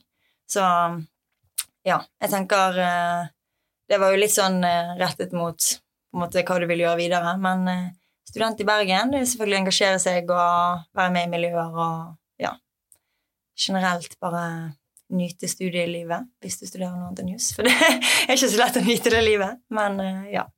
Vil du klatre karrierestigen som advokat og jobbe 100 timer i, i uken, eller vil du jobbe 40-50 timer i uken og være komfortabel og frihet på den måten? Eh, Jeg ser ikke for meg at jeg skal være i, eh, i toppfirma og jobbe 100 timer i uken. Det har jeg ikke, ikke lyst til å gjøre. Så mange har jo lyst til å gjøre det fordi at de vet at eh, ja, du tjener kjempemye in the end, og kan gjerne pensjonere deg noen år tidligere og sånne ting. Men for min del så er det mye viktigere med work-life balance, selv om jeg prøver å bygge opp noe på siden, da.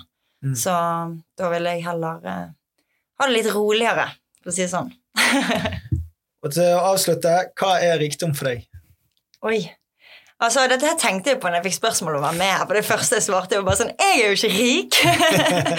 Men eh, ja, det Jeg føler det er veldig sånn åpent spørsmål. Det kan jo være ja, at man, man omsetter for veldig mye. er jo selvfølgelig rikdom, og det er jo gøy på sin måte. Men eh, man kommer ikke så langt uten på en måte ja, familie, venner og ting å gjøre på ellers. da. Så hvis man er Hva skal man kalle det? Rik på livet? At man liksom har litt av alt.